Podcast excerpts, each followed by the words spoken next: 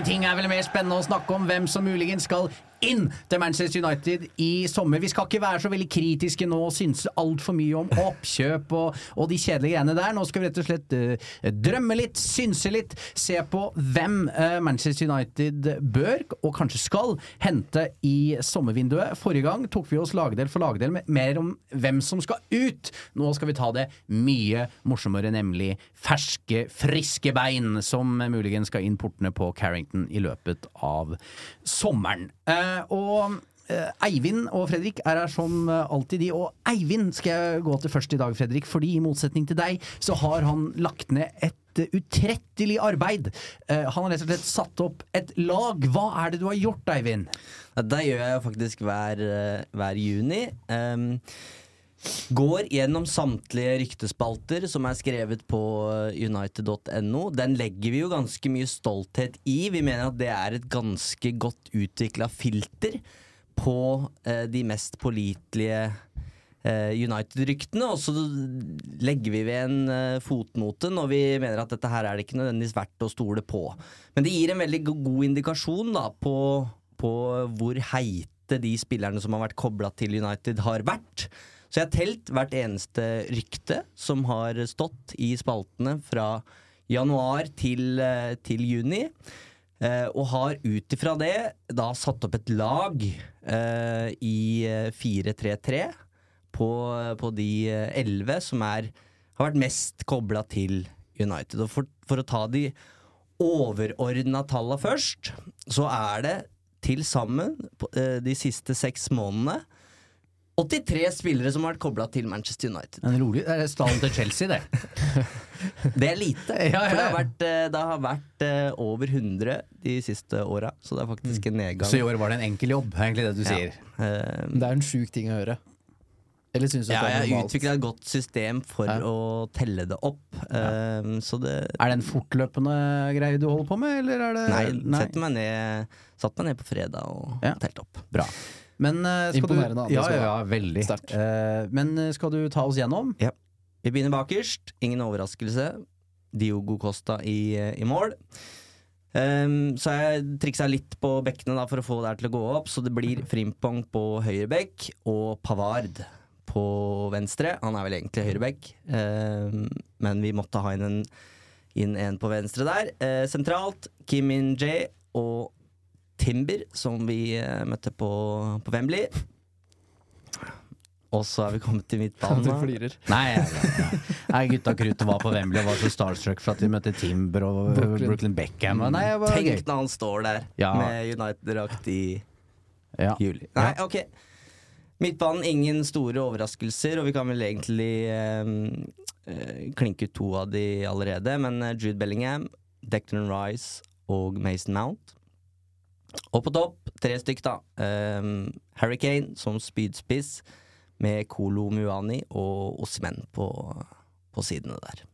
Det er et sterkt lag. Ja, ja bevares. Uh, bevares. Eh, Men vi veit at eh, det, altså alle elleve kommer jo ikke inn. Nei, Noen av de kan definitivt ikke komme lenger heller. Eh, Bellingham blant annet, som da er klar for Real Madrid. Bare så det til Fredriks store glede, siden han ikke Tenk ønsket si han til, til, Manchester United. Tenk å si noe sånt. Uh, Men du, du snakka om at det her blir en veldig morsom episode, og det blir det. Vi gleder oss veldig til det her. Men det er allikevel et veldig vanskelig puslespill, fordi Uh, vi skal høre mer om det etterpå, uh, men, men, United har nok ikke så mye penger som det vi skulle håpe. Og så er det jo det den derre oppkjøpsgrøten da, som vi fortsatt ikke har fått i oss. Så det er jo det er en veldig vanskelig debatt, fordi det er så mange man kunne ønske seg at her, Ten Hag trenger fem, men han får kanskje bare tre. Ja, Men vi, vi må jo nevne det nå, da, for nå er det jo ting som tyder på at Eh, det er i ferd med å skje et eller annet på oppkjøpsfronten. Mm. At vi i løpet av ikke så altfor lenge vil vite eh, hvem eh, Glazer-familien foretrekker av Ratcliffe og, og Qatar-gjengen.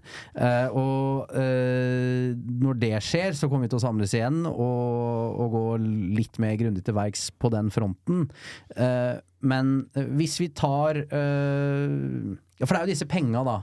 Skal vi skal vi rett og slett få litt svar på det med en gang, muligens, siden vi gikk inn på det sporet, Eivind? Ja, det kan vi gjøre. Uh, har snakka med vår økonomiekspert uh, Bjarte Valen. Hvor mye har United å bruke. Jeg prøvde meg på øh, Kanskje de har 150 millioner pund, som liksom ofte er utgangspunktet.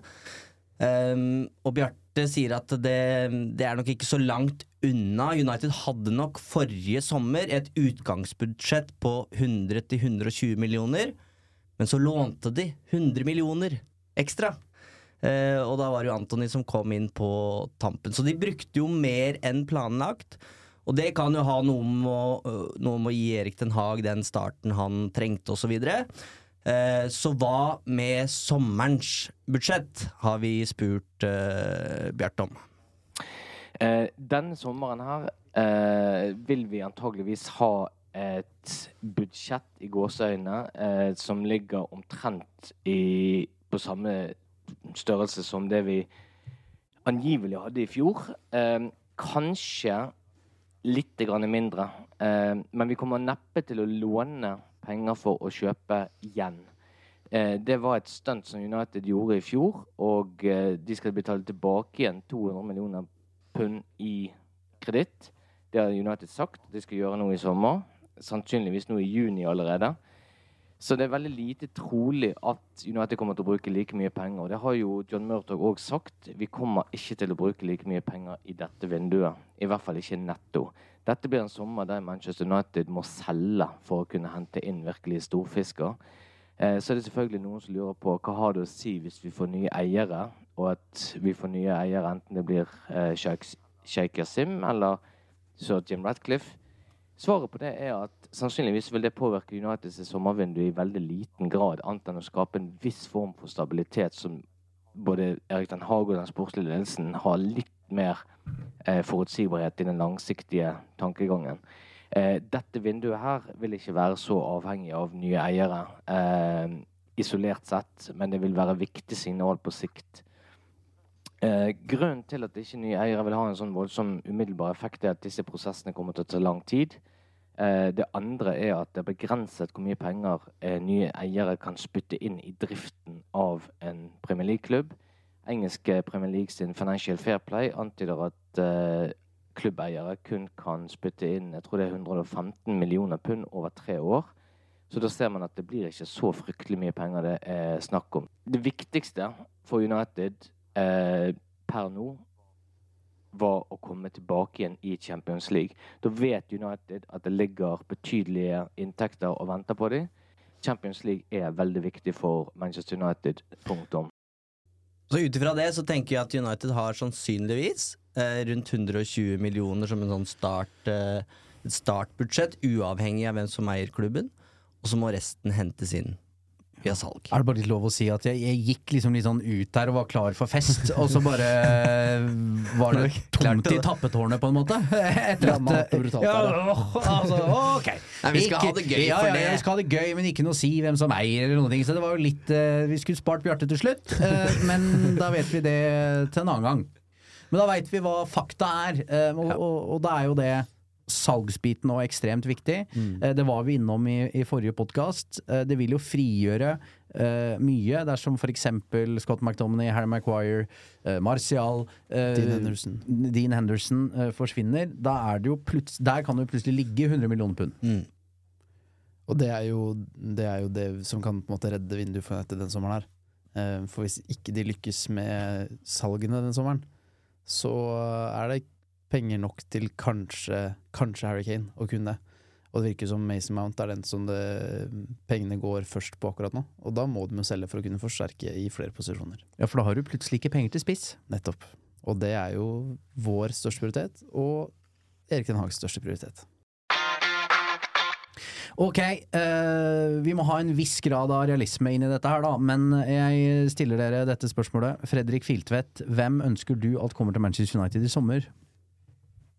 Harry Kane. Uh, Declan Rice, men det ser jeg på som ganske urealistisk etter hvert. Uh, også fordi jeg har fått uh, litt mer info her. Um, han skal ha følt seg lurt av United på tidlig tidspunkt, og har vært veldig sint for det. Og det sies at han kommer ikke til å stole på United noen gang igjen. Oi.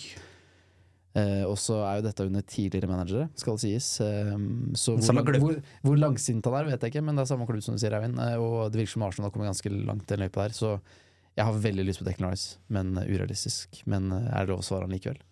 Det er jo det, men uh, Litt kjedelig, da. Ja, Ja. Uh, du, du, du sitter jo sannsynligvis her og snakker om to som ikke kommer.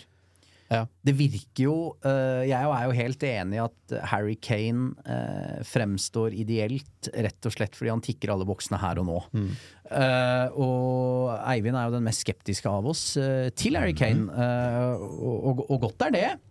Eh, men eh, Eivind, har du noe annet å bringe til bordet her?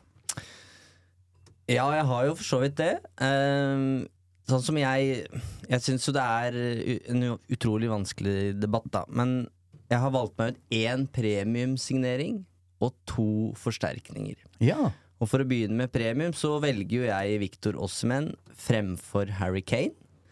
Um, og så har jeg argumentert for det tidligere i podkasten her, men det, det handler i bunn og grunn ikke om at jeg ikke vil ha Harry Kane. Det handler bare om at jeg vil ha Victor Ossimen. Jeg syns han ser ut som en veldig spennende spiss som vil passe det Erik Den Haag-systemet godt. Eh, han virker å ha den derre Bruno-skallen. Um, og det er en langtidsløsning. Uh, men samtidig så blir det jo litt farga av at han ikke er den som er heitest på ryktebørsen akkurat nå.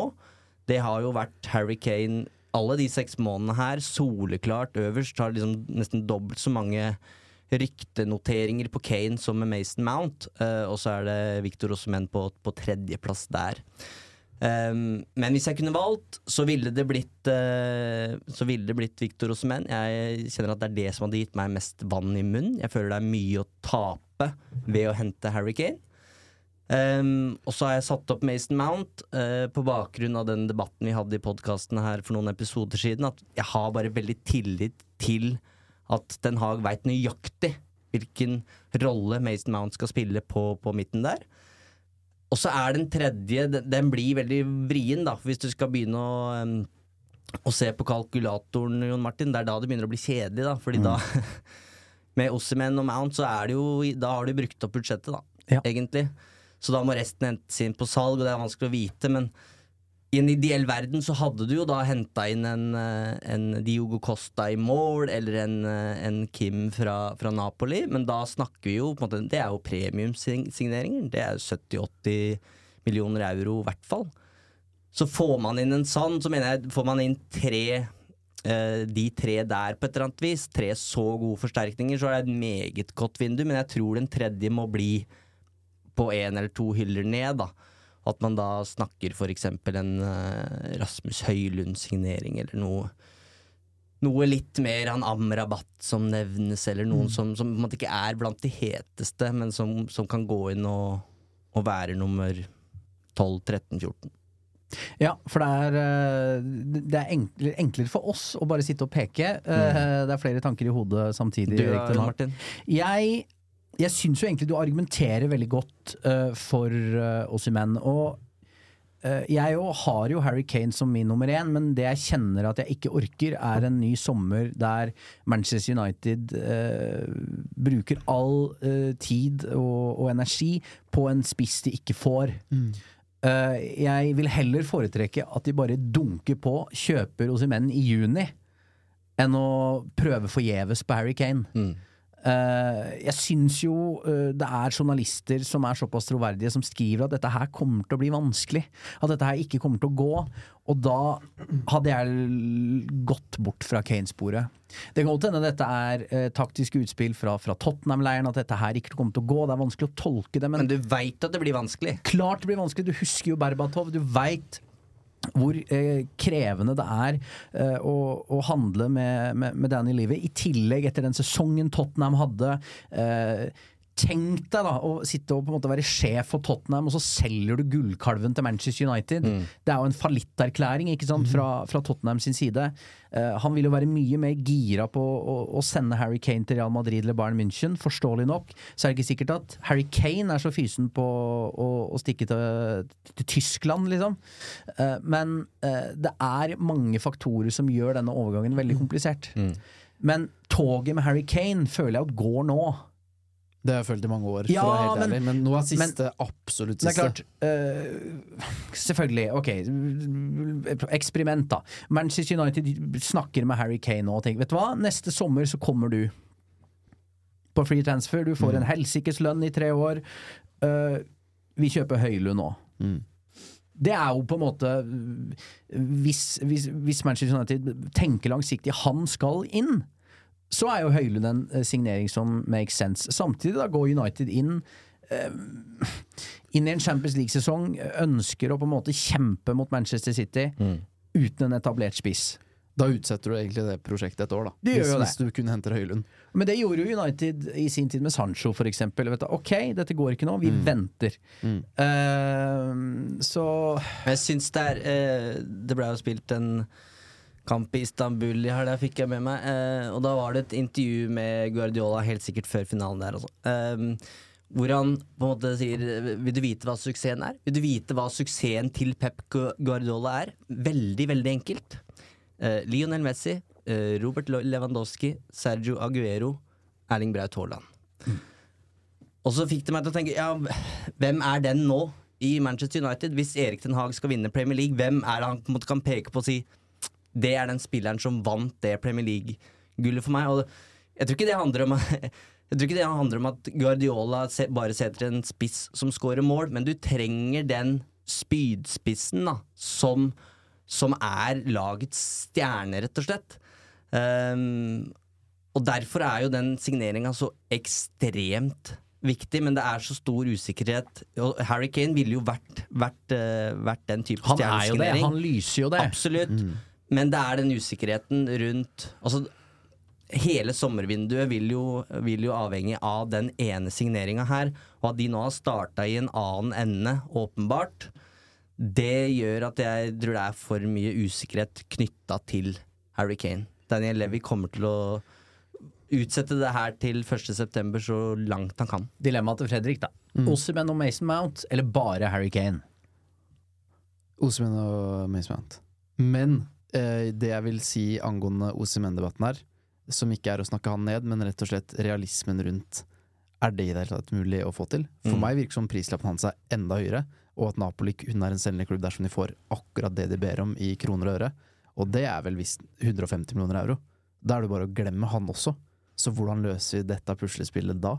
Og det kan hende vi sitter nå og har en debatt som egentlig ikke er eh, eksisterende på Old Trafford i det hele tatt. At de har lagt bort Osimhen. Og de har kanskje allerede gjort et fremstøt på Harry Kane og fikk nei. Og så tenkte nei, da får vi gå videre. Og vi begynner i en annen ende. Vi begynner med Mason Mount. Vi forhører oss som Kim Min-jae, og, vi- og vi sjekker ut Kolo Mua- Muani. Det er jo de det snakkes mest om akkurat nå, så kan det endre seg idet vi går ut av døra her på Og jeg må si at det hadde også vært litt befriende. At de klarer det. Ja! At, at de liksom eh, De har gitt opp dette her for lengst, og så bare drar de opp en eller annen spiss av hatten. Og det som hadde vært ekstra deilig Tenk, da! Nå er ikke jeg så opptatt av at Manchester United kommer til Oslo, men at det er en ny spiss som møter Leeds på Ullevål, for eksempel. Det er jo det man ønsker. At, at, det er eh, At det kommer folk her som, som får en skikkelig preseason, og at Erik Den Haag eh, nesten veit hva slags elver han skal kjøre i serieåpninga tidlig. Det er jo det vi vil. Det er han så opptatt av sjøl òg. Selvfølgelig. Men eh, for å kaste dilemmaet tilbake på deg, da. Hva velger du av Barry Harry Kane eller Osimhen og Mount? Jeg syns den er vanskelig fordi hvis Erik Den Haag sitter på det kontoret på Carrington og bare har sånn Hvis jeg får Harry Kane, Mm. så kan jeg vinne ligaen med dette laget. Det er det som egentlig avgjør det, men alt fornuft tilsier jo at det er bedre med Ossimen og, og Mason Mount. Uh, med tanke på alder, uh, med alt, egentlig. Men det er jo Altså, tenk da, gutta krutt. Uh, og når terminlista kommer her, og så, og så er det Harry Kane som går ut med nummer ni på Old Trafford i, i august. Det er jo fett! Og det er et signal til Ja! resten av verden om at uh, Manchester United mener alvor. Det er det. Men, ja. Det kommer ikke til å gå, tror jeg. Nei, og, og la oss ta Rasmus Høylund, da. Fordi jeg, eh, så vidt jeg vet, så er han veldig åpen for en overgang. Eh, Det er en stor underdrivelse å si at han er United-fan. Og så virker det for meg som at dersom United hadde bestemt seg for at det er han vi går for, så hadde de kunnet plukke han opp her og nå. Bare legge de pengene på bordet, og så er det i boks. Og det forteller meg at United er jo i tvil om hva de skal gjøre her. Fordi visse spillere kan du bare signere her og nå. Mm. Høylund tror jeg er en av de. Men de utsetter dette i håp om at det skal løse seg med en av de andre alternativene, tror jeg, da. Og så kan det være sånn at ok, kanskje Kane og Høylund er en løsning de ønsker, men igjen da kommer vi tilbake til den pengesekken da, som ikke har nok penger i seg til at det fremstår mulig akkurat nå.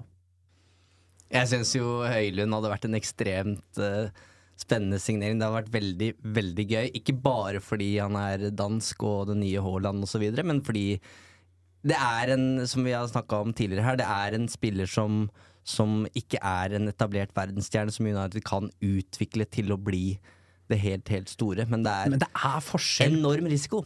Ja, og det er forskjell på uh, Ta Martinez, da, uh, som uh, Ten Hag kjenner godt, mm. ligger i vannskorpa. Midtstopper og spiss er to forskjellige ting her i verden. Det å på en måte bære det ansvaret da med å, å være den som skal skåre måla til Manchester United, den, det er svære greier. Du har, hvis du husker liksom Ruud van Nistelrooy i sin tid, som bare kommer inn og eier det og gjør det. Men at Høylund skal skåre 20 ligamål for Manchester United, det virker utopisk. Ja, for Vi etterlyser jo fortsatt ledere i det laget her. Det har kommet inn Martinez, vi har Varan, det er Bruno Fernandes, Casemiro. Men på topp i angrepet så ønsker du deg fortsatt den derre eh, ledestjerna. Og det syns jeg både Kane og Osimen er. Eh, men som du sier, Rasmus Høylund neppe, eh, sammen med Kolo Muani. Så mm, Det ville vært kjempespennende, men du går jo da fortsatt inn i en ny sesong med stor usikkerhet knytta til de du har på topp, da. Om Høyling kommer inn. Mm. Så for meg er det egentlig Dersom han kommer alene, så er det fordi United har mislyktes med de andre. Mm. Eh, Kommer han i tillegg til noen, så er jeg veldig for det. Enig. Uh, skal vi gå litt på lagdelsvis, eller? ja, det kan vi godt. Uh, da vet du hva? Eivind, take it away. Uh, I just love United. Vi har med oss eh, Vi kaller han United NOs eh, taktiske ekspert, vi Øyvind eh, Eide. Det er sommer, da linkes automatisk veldig, veldig mange fotballspillere til Manchester United. Men du som har et godt øye for dette, hvor skriker det mest etter forsterkninger, og hva slags typer bør Erik Den Haag lete etter? Ja, det, er, det er den klassiske sentrallinja som da består av en midtstopper, en sentral midtbanespiller og en spiss, som, eh, som United egentlig må, bør se etter nå. Og det, det er litt sånn eh, Fravær av de typene har vel kanskje sendt United litt inn i den situasjonen de har vært de siste åra. Eh, det vi er vant til, vi som har fulgt United i mange år, er jo det at eh, en sterk sentrallinje Vi husker jo Ferdinand og Vidic og Roy Keane på midten, en god spiss med van Nisseroy og sånne ting har alltid vært der. Nå har jo det vært fraværende de siste åra, og da ser vi også at laget mangler noe vesentlig. altså.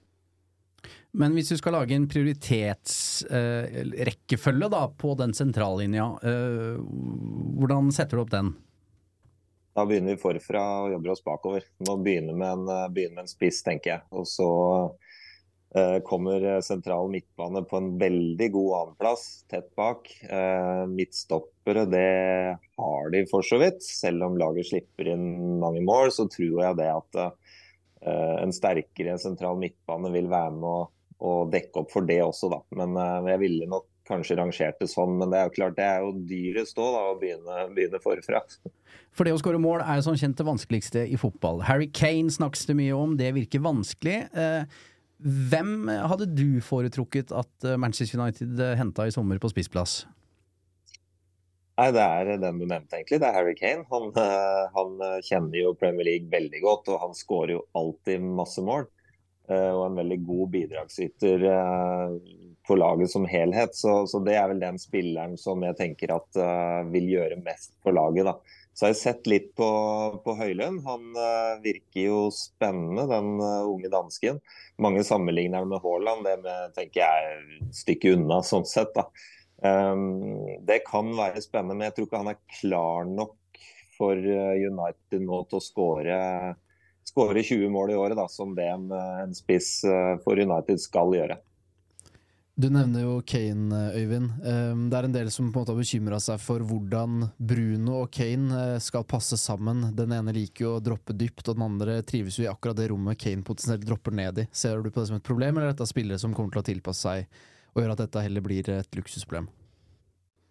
Eh, Jeg tenker at eh, Bruno fort kan spille et annet sted, fordi at det kommer til å bli henta en eh, sentral midtbanespiller. Og da kommer Eriksen kanskje da til å bli flytta fram i den rolla som vi nå snakker om Bruno i. Så jeg tipper at Bruno Fernandes kommer vi til å se litt oftere kanskje i en kantrolle, tenker jeg, neste år.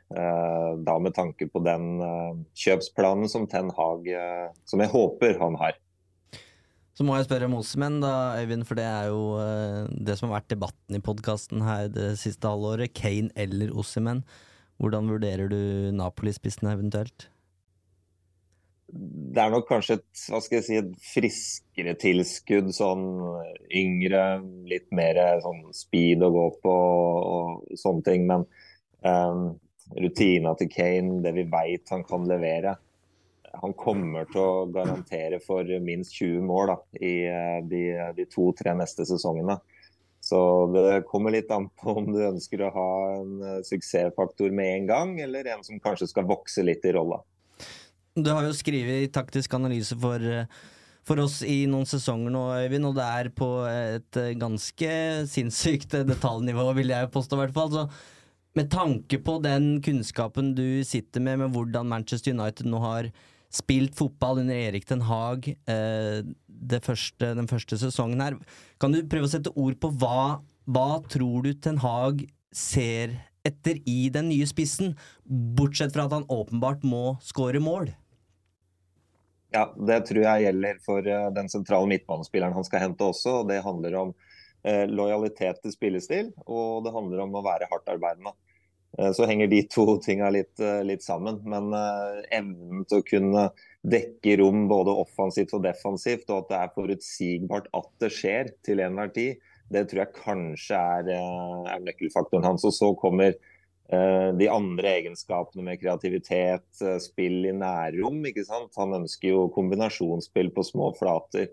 Han ønsker jo å fylle opp hva skal jeg si, Lage et overtall mellom spillerne i backleddet til motstander. Eh, og Det krever jo en del egenskaper hva gjelder individuell teknikk, i forhold til å kunne vende opp med en ball, utfordre én mot én, og kombinasjonsspill på siste tredel.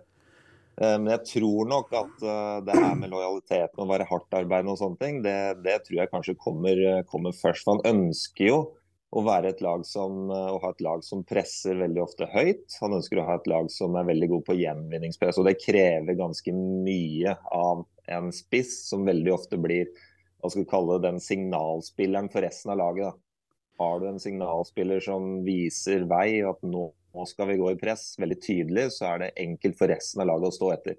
Det har ikke vært like lett med de spissene som har vært i United nå. med Martial f.eks. er ikke like flink til å starte sånn type press, og Ronaldo var jo absolutt ikke det. Eh, Men det, den overgangen som virker mest konkret da, og, og nærmest å, kunne skje, det er Mason Mount. Eh, Øyvind, kan du si litt om Føler du at han vil passe inn i Manchester United, og hvorfor tror du Erik Den Haag vil ha han?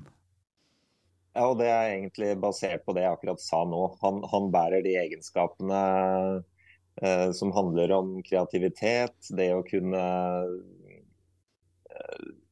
vende spill, god pasningsfot, godt overblikk. Han, han, har mye av de offensive egenskapene til, eh, til Eriksen. Og det jeg tror Ten Hag tenker, det er eh, litt det som jeg skriver om i analysen, og som jeg tror ganske mange har sett. Det er at uh, en Christian Eriksen på sentral midtbane, det går for seint. Spesielt i oppgjør mot de beste lagene. Uh, Eriksen kan fort bli flytta fram i banen. Han er veldig god der. Uh, god på kombinasjonsspill, god skuddfot. kreativ til å løse opp et forsvar høyt i banen. Det er jo også Mason Mount.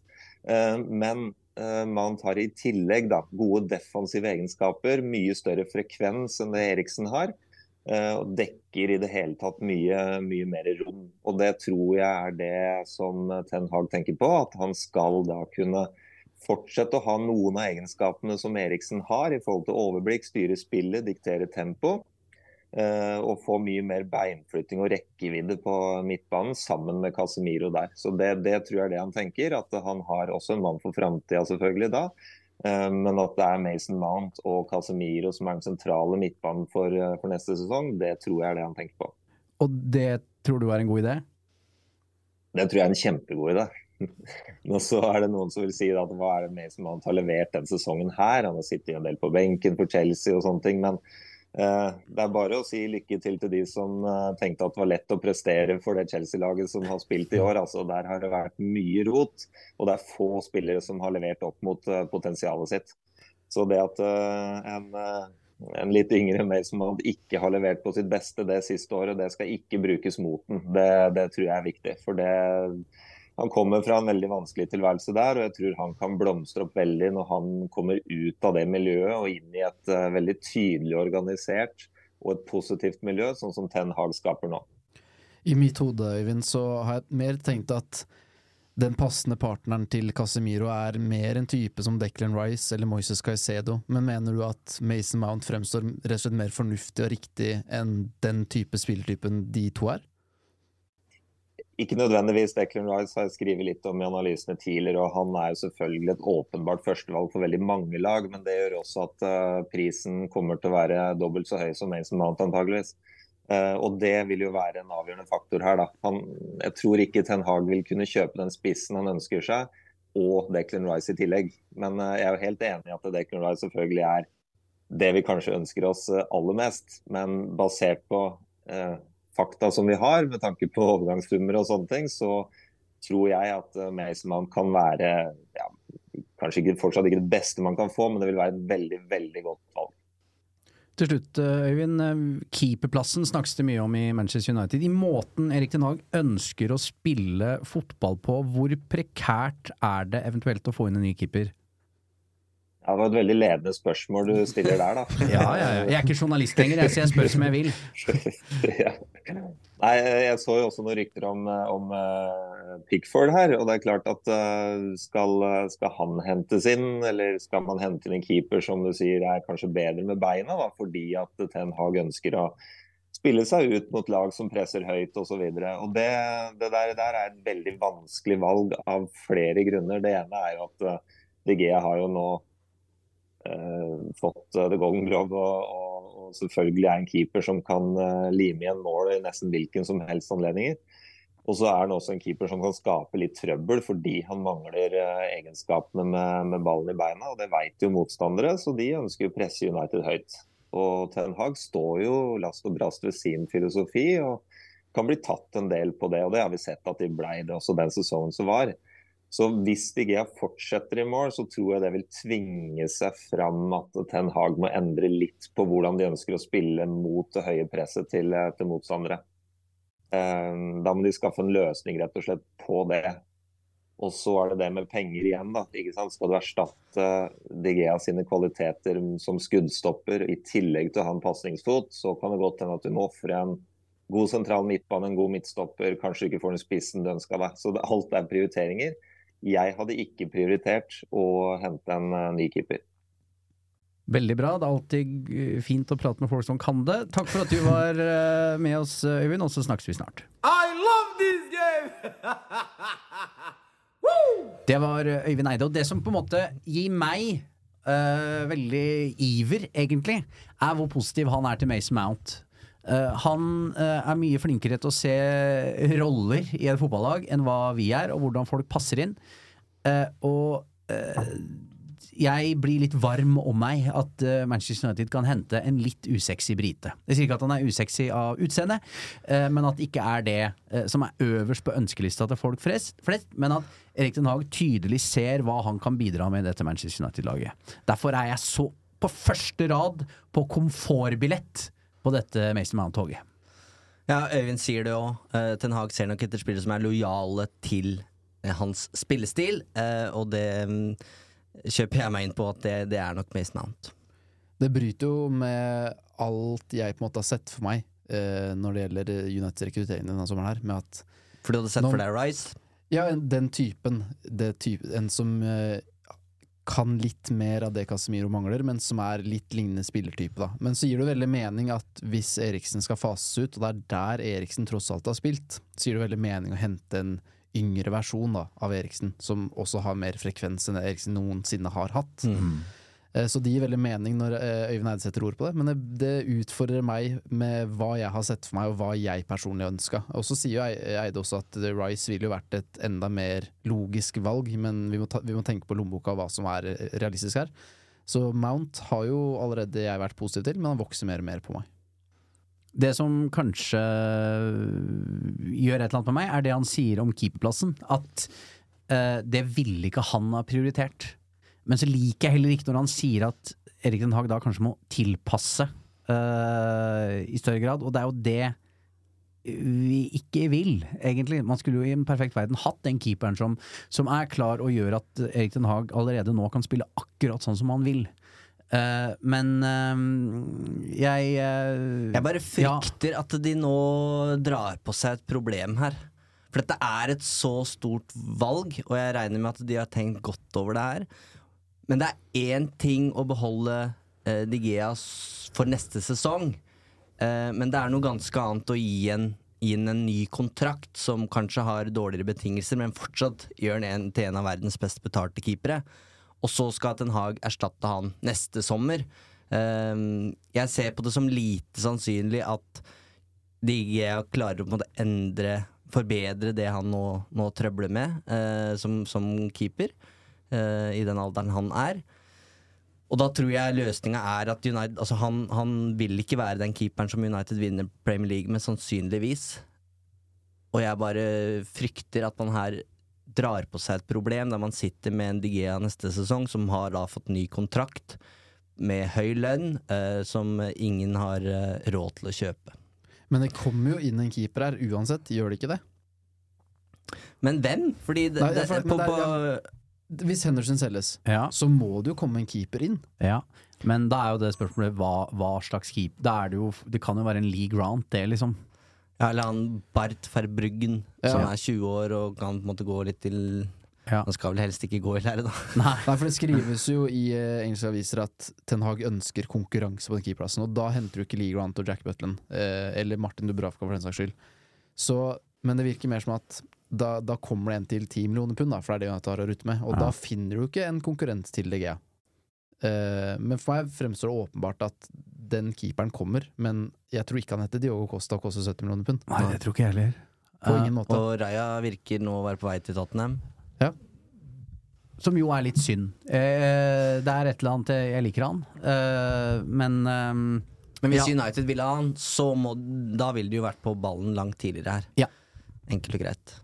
Eh, Og ok, uansett. Uh, keeperplassen kunne vi snakka om til vi ble blå, men vi veit hva, vi, eh, hva, hva vi mener om saken. Men er det noe annet dere kan trekke ut fra det Øyvind sier? Nei, jeg tenker bare at når, hvis, hvis Den har vært i tvil om hva han skal gjøre med det, ja, og han tenker sånn nei da, dette, dette går fint neste sesong også, så føler jeg at han alltid får et slag i trynet. Hver kamp så ser han at ah, er dette til å leve med uten at jeg må gå på akkord med hva jeg egentlig har planlagt å gjøre med dette laget. da. Så for Ten Hag så kan dette bli nok en ting. Du snakka om i forrige episode, Eivind, at eh, Ten Hag selv har sagt at han er utålmodig. Mm. Det er noe han, han har ikke tålmodighet. Og hvis han må fortsette en sesong til med det, så mener jeg at da blir han også nødt til å eh, utsette enda en ting til nok en eh, ny sesong langt fram i tid. Ja, For det Øyvind sier, er jo at da må i så fall United finne en, en annen måte å spille på, da. Eller i hvert fall maskere det, Ja. de problemene som Digea skaper. Men det føler jeg det har de jo nå hatt en sesong på å gjøre, da. Og da må han utsette det ytterligere ett år. Og Mm. det vil jo utfordre alt det Ten Hag prøver å skape med dette laget. Da. At det starter bakerst. Og det, hvis han må utsette det og finne en plan B eller C som skal fungere midlertidig i påvente av nok penger til å hente en keeper, så er jo det også et nytt problem da, en ripe i lakken. Ok, Vi kjenner til Rice, vi kjenner til Ossimen, Harry Kane og alle sånn, men du som er ryktebørsansvarlig, eh, Eivind. Er det noen andre navn i den miksen vi ikke har vært innom? Ja, Vi kan jo følge lista her, for da er nummer fire Det er en midtstopper fra Napoli som heter Kim Min-jae. Sånn velger i hvert fall jeg å uttale det. Um, og det syns jeg er en veldig spennende eh, et spennende kandidat. Så vi har snakka med Trygve Rød, som vi har hatt med tidligere her i podkasten, for å høre litt mer om hvem den, denne midtstopperen er. Han har jo tatt egentlig Serie A med storm eh, den sesongen som har vært eh, nå etter han kom fra tyrkisk fotball. Man forventa jo egentlig at han ville komme til å trenge litt, litt tida til å akklimatisere seg. Det er jo det man alltid prater om i Serie A og italiensk fotball, at du trenger tid til å venne til hvordan fotballen spilles, kulturen, språket osv. Men Kim Min-jae hoppa bare rett inn i et lag som skulle vise seg å bare kjøre gjennom Serie A på autopilot. Den feelingen jeg får, er at han ikke han er ikke ekstrem på noen områder, egentlig. Han har liksom ikke timinga i luftrommet sånn som Sergio Ramos har. Han har ikke toppfarta til eh, Van Dijk. Han er ikke like teknisk fintuna som uh, Martinez. Ser ikke like farlig ut som Prime Leaders, det, det gjør han heller ikke. Så, men, men han er overall jækla bunnsolid, egentlig. Han, han scorer høyt på de fleste parametere som er viktig for en moderne stopper. Men han scorer ikke høyest blant noen, egentlig. Men overall bunnsolid. Sånn at, eh, og så tror jeg også, som jeg nevnte, han er god til å fort akklimatisere seg, bli vant til nye ting. Så skulle han bli et, eh, et, eh, et alternativ som blir realitet for Manchester United, så tror jeg at han kan hoppe rett inn og, og bli en del av, av den, det forsvaret der ganske, ganske så fort. Dette høres jo veldig lovende ut, syns jeg. da Jeg syns uh, Kim Min-jae virker som en veldig eh, spennende mm, signering på midtstopperplass. Men jeg vil bare si jeg er usikker på hvordan det vil være for Erik Den Haag å stå der før første serierunde, og han har tre like gode stoppere i verdensklasse, vil jeg si, i Martinez, Varan og Kim. Uh, og så skal han da sette en av de på benken. Og for meg så høres det nesten ut som et sånt luksusproblem som Manchester United ikke har råd til å eh, dra på seg i den sommeren her. At det er andre plasser det må forsterkes. Uh, når det er sagt, hvis jeg kunne bare velge helt fritt, så tror jeg faktisk jeg ville gått for uh, Martinez og Kim som midtstopperpar istedenfor Varan. Uh, jeg tror det ville vært et veldig bra stopperpar de neste fem åra. Ser ut som en fet duo, da. Ja, utvilsomt. Og jeg tror igjen at dette ikke ville vært et reelt problem fordi United skal spille Champions League, og fordi vi vet at Varan, som er 31 og blir 32, og vi vet at han har skader og sånne ting. Så dette går jo bare utover stakkars Victor Lindløf, som havner bak køen igjen, når han endelig har tatt en Maguire. Eh, men at Maguire forsvinner ut for 30 millioner pund, og Kim hentes for 40 millioner euro, høres ut som en kjempe, kjempeplan, egentlig. Ja, men både og så fremstår det også litt sånn øh, Båten tar inn vann i større grad andre steder. Det er det. Eh, så så i, det vil fremstå litt sånn åh, er det mitt, Hvis første signering er han, da. At, altså, ok, da har, da har du brukt såpass av overgangsbudsjettet på en midtstopper. Uh, og så veit du at du jobber med Mason Mount. Hvor er penga til spissen? Mm. Blir min største bekymring ved dette her. Og den deler jeg. Ok. Eh, dette laget du har satt opp, uh, Eivind, du har full kontroll på andre navn. Du var innom Kim. Uh, men det er jo noen boblere her, og folk som bare dukker opp i ny og ne. Er det noen vi ikke har vært innom? Jeg syns vi må snakke litt om Kolo Muani, som i hvert fall sånn i løpet av helga så syns jeg det er han det virker som det er mest bevegelse rundt fra Manchester United sin side. Han blei omtalt i spiss-spesialen vår. Eivind Biskorsundet Sunde var ikke helt overbevist der. Spilte han jo litt ned, egentlig. Eh, og han blir jo dyr. Vi snakker uh, over 100 millioner euro, mener jeg uh, Eivind sa da. Frister ikke spesielt mye, spør Nei, jeg må ærlig innrømme at og jeg, Det blir jo litt sånn magefølelse, hunch, dårlige ord å bruke eh, når du skal kjøpe fotballspillere, på en måte. Men eh, det er ikke noe som Det er ikke en fest jeg vil på, på en måte. Er det, er det lov å si? Det er lov å si.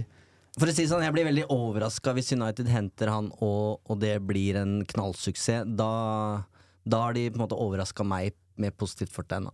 Ja. Ja, men når, når eh, jeg ikke har sett spesielt mye av han, og rapportene fra ekspertene som kommenterer han ukentlig, ikke er spesielt gode, spesielt gode Blir ikke fysen da? og prislappen er det den er, Ja. så tenker jeg at eh, nei takk, jeg står over. Nei, jeg er enig, altså. Jeg er enig. Ja, så er det jo noen andre jokere som liksom, Noen av de er jo i ferd med å forsvinne. Tidligmann så signert for Aston Villa, selv om han aldri var helt veldig mye kobla til United. da Men jeg har jo et håp om at United har signert én eller kanskje to spillere som, vi, som ikke er på radaren vår når vi sitter her i dag. At det, at eh, det både er navn som er velkjente i fotballverden, men som blir tilgjengelig i løpet av, av sommeren, eller at det er spillere som United jobber med, som, som vi som vi bare ikke veit om. Eh, eller enda bedre, at det er eh, spillere som er litt sånn som Malaysia, da. Som bare er, alltid er under radaren, på en måte, i et Manchester United-perspektiv. Og som bare plopp, så er den der. Plopp. plopp, Så er den der. Ja, du kan en ordsmeden uh, leverer her nå. Eh, Jingle-ansvarlig feiler. Ja, ja, ja. Eh, neste, gang, neste, neste uke eh, så vil jeg ha en ploppejingle eh, laget av dem, gode mann. Eh, det er jo noen eh, Når du snakker om sånne navn, da Thielmann, Stasen Villa, Ward Prowse eh, har blitt nevnt i enkelte sammenhenger. Da kjenner jeg at da backer jeg. Mm. Eh, nedrykksmann med Southampton. Eh, og jeg skjønner at du, du trenger hoder. Altså I det øyeblikket Scott McTominay eventuelt går til Newcastle, da, så, t- så trenger du en eller annen eh, som kan være i troppen. Jeg leste at prislappen var 50 millioner. Nei, pund. vet du hva? Glem det. Nei, vet du? Det, det blir bare sånn holdt jeg på å gå på en Neymar-mine Det var det her. vi på Ja, jeg håpet på det, men altså Nei, jeg, vet jeg orker ikke å fyre meg opp engang, Fordi det, det, det, det gidder jeg ikke å, å få meg til. Strålende fot, da! Bare så det er sagt. Men du kan ikke kjøpe føtter for uh, 50 millioner pund. Ikke noe sånt. Nei, jingla. Da sukker du Men- sikkert når jeg nevner eh, Ja, kjør du først, Fredrik. Utsett jingeren litt, Eivind. Fordi Ja. det er en annen i Southampton som jeg veldig gjerne tar. Og da mener jeg ikke i stedet for Mace Mount, men i tillegg jeg til. Lavia. Ja, han ser knallbra ut. Han, er det. han, han tar jeg veldig gjerne. Mm. Eh, han har jeg faktisk veldig lyst på. Eh, og så tror jeg ikke at det skjer, men jeg vil veldig gjerne ha inn to sentrale midtbanespillere. Eh, og om Mount og Lavia er de to, så vil jeg være fornøyd. Og du Ja. sykker sikkert når jeg nevner det her òg. men det er en fyr i Tyskland som Ten Hag har hatt stor suksess med i Ajax. Eh, Rian Gravenberg. Jeg tror det er en spiller som, som ikke nødvendigvis er akkurat det Manchester United trenger akkurat nå. Men hvis de signerer en Mason Mount, så kan de tillate seg å, å hente inn en som ikke skal spille hver match og gå inn og forsterke laget. Og jeg, han har hatt en vanskelig sesong i, i Bayern München, og jeg ser for meg at der kan United gjøre en ganske god deal. Nå har jo de henta Limer på, på free transfer, så det er tøff konkurranse på midten der. Låne Gravenberg eh, neste sesong med en opsjon på typ 30 millioner euro. Det tror jeg kunne vært en sånn Det mener jeg i hvert fall kunne vært en veldig eh, en overgang eller en deal med, med veldig stort potensial. Da er det er lav risiko. Hvis ikke utlandet fungerer, så sender vi den tilbake som Sabitzer. Blir det en suksess, at han utvikler seg, fortsetter i det sporet han var eh, på i Ajax, så får man en ja, Kall det gratis signering neste sommer da, til 30 millioner eh, euro. Jeg er Høres- solgt. Jeg Ja, er solgt. ja, det, det høres enkelt ut når du Mm, sier det, ja, når du begynner med din wheeling og dealing. Ploppa i vind. Uh, men uh, ja, jeg vil putte inn godgutten i Brighton ja, da, i, uh, i denne miksen. Uh, Caicedo syns jeg er bra. Mm. Enig. Eh, og han syns jeg er veldig bra. Og jeg, jeg syns det også er For jeg er enig i at det er to på midten som bør inn i, i en perfekt verden. Og vi tilbakevendende tema med disse pengene, men eh, det hadde vært noe for meg. Og en, en litt annen eh, jeg, jeg vil ikke bare ha briter her heller. Det, det, det er noe med det. Det er Eh, oppsiktsvekkende hvor mange briter som nå er kobla. Altså Mount, Ja. Kane, eh, Rice. Ja, Bellingham for den saks skyld, selv om Mm. det måtte være en litt annen ballgame. Men eh, jeg kunne tenkt meg det. Jeg er også, jeg, eh, den forflytningsevnen, hvordan han leser spillet, frekvensen, mangler litt på kreativiteten, syns jeg. Men mer enn god nok til å skulle gå inn i en midtbanetoer sammen med Casemiro. Og så nevner vi dem briter, og der, hver gang vi snakker om dette på kontoret med Dag Langerød, så nevner han dette med egenutviklede spillere. Eh, at dersom United selger f.eks. McArrow, McTomney og Dean Henderson, Mm. Så begynner United å slite med at de må fylle denne kvoten. Og her har ikke jeg tallene rett foran meg, men det er også noe som United må huske på dette puslespillet. Da. At de kan ikke selge så og så mange av det uten å måtte hente inn nettopp briter som er egenutvikla. Så det er jo en Burde du ikke handle i en City-situasjon der, der du henter spindyret briter bare ja, for sånn, å fylle opp? Ja. Mm. Ja. Vil jo ikke det. Men Caicedo, eh, veldig gjerne, dersom ikke Rice lar seg gjøre, som det sannsynligvis ikke gjør, så er Caicedo nummer to på min liste. Og da har vi jo enda ikke prata om Frenkie de Jong, da. Men ville det Nei, vet du hva. Nei! Det var et spørsmål. Jeg vet jeg, ja, men jeg, jeg vi, skal, vi skal ikke Vet du hva, Frenkie de Jong gidder ikke jeg å snakke om før uh, han er Han signert. står der. Altså, han skal stå der. Jeg orker ikke å høre et kvekk om Frenkie de Jong før, uh, før det jeg er kalt inn til pressekonferanse. Den er grei, sjef. Ville dere hatt McAllister eller Caicedo? Caicedo. Ja, da må jo nesten si det nå, da. Ja, jeg, har alltid vært der, da, også før han signerte for Liverpool. Jeg syns Caicedo er det heteste Brighton-objektet. Helt enig med deg, Eivind. Så bra, du skulle ha en jingle. Det er ikke noe tvil om hva det må bli. Hvis, hvis Neymar kommer til Old Trafford Jeg orker ikke. Neymar Ja, ja. Uh, hissa meg litt opp igjen her nå når Filtvedt kjørte Frenkie de Jong. Det kaster vi ikke bort tida vår på. Eh, hvor skal vi nå, gutter? Har vi vært gjennom de, de fleste nå? Uh, Frimpong og Timber har vi ikke snakka så mye om, men det trenger vi vel kanskje heller ikke. Uh, Pavard uh, i samme kategori for min del der. Det er jo Gonzalo Ramos, da, som vi kanskje ikke har nevnt her. Hva tenker vi der? Det blir for meg litt som med Kolo Muani, ekstremt vanskelig å bedømme om man ikke har sett uh, han spille uke inn og uke ut. Kommer fra en liga som er litt usikker på, på nivået der. Um, men jeg kommer litt tilbake til det med, med Darwin Núñez. da. Det, det, de har veldig like tall, eh, Ramos og, og Núñez i, i Benfica, og vi ser at Núñez hadde tilpasningsproblemer. Eh, så jeg ser på det som, som relativt stor risiko, da. Det er noe med prislappen her som gjør at jeg ikke er, er gira. Han koster en Harry Kane, liksom. Og så vil jo det være et eh, Det vil ikke være et argument dersom Kane er utilgjengelig for den prisen, men jeg vil, vil likevel ikke at United skal bruke så mye penger på en spiss som jeg mener det er utrygt å hente. Men har vi, vi har snakka mye fram og tilbake her. Vi har, snak, med, vi har snakka med Øyvind, vi har snakka med Bjarte. Vi har hørt uh, hva Trygve mener om Kim. Jeg syns vi skal oppsummere én og én. Har vi klart å lande på noe etter en sånn relativt rotete debatt her? Uh, det er jo så vanskelig, fordi uh, Tilbake til den med Harry Kane, at vi ikke vet Eller at det virker så vanskelig, da. Så uh, han er mannen jeg ønsker, men jeg tror ikke det går. Og da uh, lander jeg på at min prioriteringsliste er Ossimen, du. Mount, keeper. Mhm. Da kan jo jeg gå ved, ja. Eller så uh, Caicedo, da, i, uh, i den miksen. Det er Caicedo eller keeper. Min liste er nesten helt lik. Eh, Osman og Mount. Eh, og så ønsker jeg meg en enten Høylund eller Gravenberg. Ja. Eh, En sånn type signering, da. Eh, på hylle to med potensial. Ja, nå skal eh, Fredrik si Harry Kane og Frenkie de Jong. Nei, jeg skal ikke, jeg skal ikke det. Jeg skal si at eh, om ikke vi får Kane, så har jeg mest, nesten lyst på at vi henter Høylund, Mount Caicedo og en keeper. Så Høylund som nummer én, spiller 40 matcher.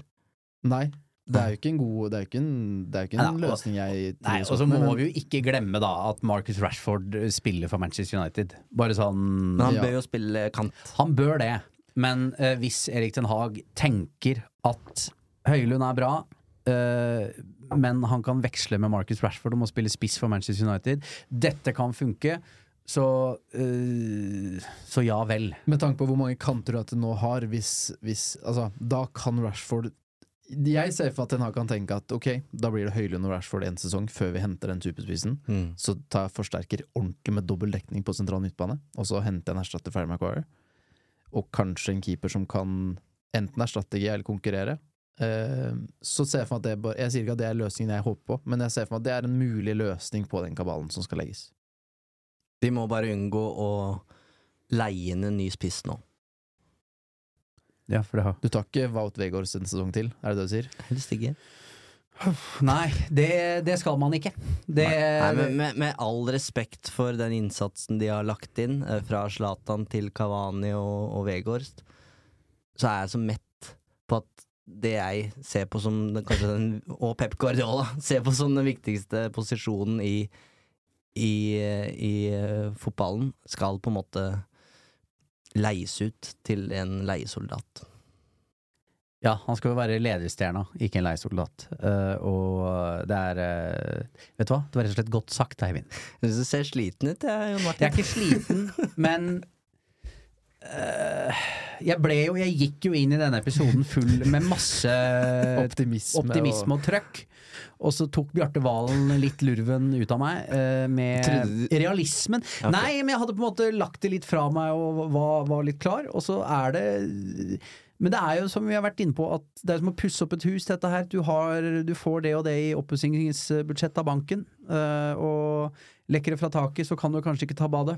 Det er, og det er litt der man står nå, da. Vi får se, da. Det kan hende det er bedre stemning når vi eh, skal sitte og oppsummere eh, overgangsvinduet i Jeg tenkte hvor tungt det er, hvis, uten at jeg skal male fanden på veggen her nå, men liksom i oppkjøpet gå trått, fortsatt ikke satt, ingen spiss.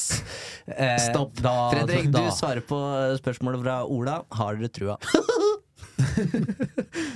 Eh, ja, men skal vi lyve, eller? skal Nei, ja, i litt. Ehm, jeg tror United lander på beina, og så tror jeg på ingen måte at uh, jeg ser på et nyoppussa totalrenert hus når uh, overgangsvinduet lukkes i september. Det tror jeg ikke. Vi har fått en del spørsmål. Vi har på en måte svart på dem uten at vi har, uh, har lest dem opp. Men hva er drømmevindu i sommer, spør Eirik. Det har vi jo på en måte vært innom. Kan jeg bare si, vet du hva drømmevinduet er? Ja. Det er at Erik Den Haag er fornøyd. Enig. Altså, drømmevinduet er jo at eh, ikke hva vi sitter her og mener, men at manageren føler at han har fått de hodene han trenger for å få til det han ønsker. Og om det er Da er det egentlig litt irrelevant, selv om vi selvfølgelig vår jobb her er å sitte og synse, men at han oppriktig er happy, da. Det er viktig, det. Tror du at det kommer til å skje? Jeg håper det! Mm. Uh, Men vi snakker og- jo om dette basert på ryktene Ja, ja. angivelig hva han ønsker, da. Men jeg tror også han er, han er smart nok til også å skjønne, selv om han er en utålmodig sjel, at dette er et prosjekt som eh, du får ikke alt du vil ha på en gang, men at i en prioritert rekkefølge så sitter han igjen med en følelse av at dette var et bra vindu for meg.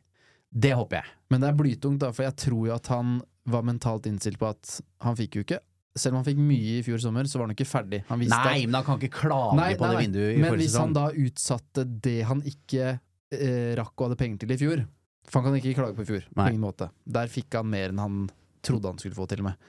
Men hvis han da tenkte at men da utsetter jeg det jeg ikke rakk nå, da, til neste sommer, og så må han allerede utsette det nå, til enten januar eller neste sommer, der igjen, Mm. det er et tøft slag i trynet. Da passer det godt med spørsmålet til Mathias, som sikkert blir eh, gjeldende også i sommer. Hvorfor er United alltid så seint ute med overganger? For meg virker det sånn at det ikke er noen klar strategi. Frem til eh, med Ed Woodward og sånn, så gikk det jo i veldig stor grad på udugelighet. eh, og ikke minst, det er vanskelig med Glazer-familien som skal godkjenne absolutt alle avgjørelser som tas. Men eh, de har jo ikke hatt et apparat som har vært oppe og gått. Altså Det har ikke vært dyktige folk nok som har jobba med overganger i Manchester United. Det er jo bedre rusta nå enn før. Derfor er det veldig synd dersom oppkjøpet ødelegger hele den sommeren. For jeg har, sitter liksom med en gut feeling at de har jobba bedre enn tidligere, mer detaljert, eh, og at de har hatt en eh, ganske god plan på dette her. Så jeg håper eh, at de kan få jobbe, uavhengig av hva som skjer. Og da tror jeg det ikke er altfor lenge til første signering er inne. Det var jo positivt. Ja, jeg har mitt øyeblikk. Ehm, hvor mange spillere er det realistisk å tro kommer inn i sommer, spør Tor. Der har vi jo på en måte landa litt på tre-fire, høres det ut som. Ja, hvis salgene går etter planen, så kan det sikkert være opp mot fem òg, med, med, med tanke på at det kommer en Malaysia-aktig type signering eller noe sånt. Så et sted mellom tre og fem, tenker jeg. Tre må inn. Ja. Fire, da tenker jeg at vi nærmer oss målet. Og fem ville jo vært uh, utopi. utopi. Ikke utopi. Da har jeg fått mer enn jeg drømte og håpa. Da er det en av dem på free transfer, tror jeg. Jo, jo, men uh, det, det. Ja.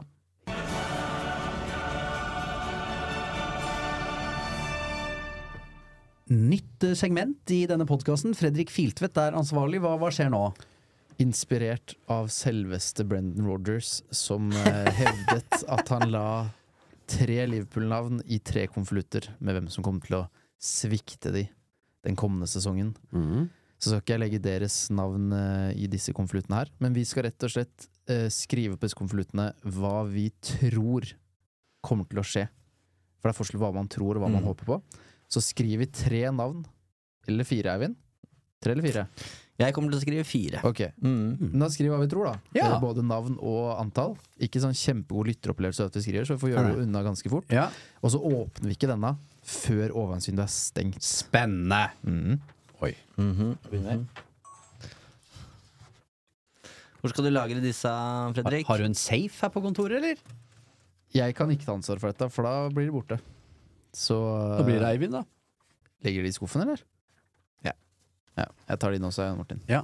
Jeg Ja. rakk eh, tre jeg med sprittur så det står jo rett gjennom her. Men Ja. eh, det, det, Ja, ja. det får dere tåle. Da, der står det Falcao og Frenkie de Jong.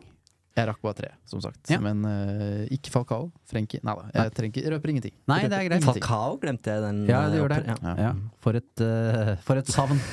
Eh, men, men, men. Eh, ok, eh, vi har synsa vært eh, høyt oppe, vi har vært eh, lavt, eh, skal også sies. Men en glede har det alltid vært. Husk som alltid å abonnere på vår podkast. Kom med tilbakemeldinger, still spørsmål.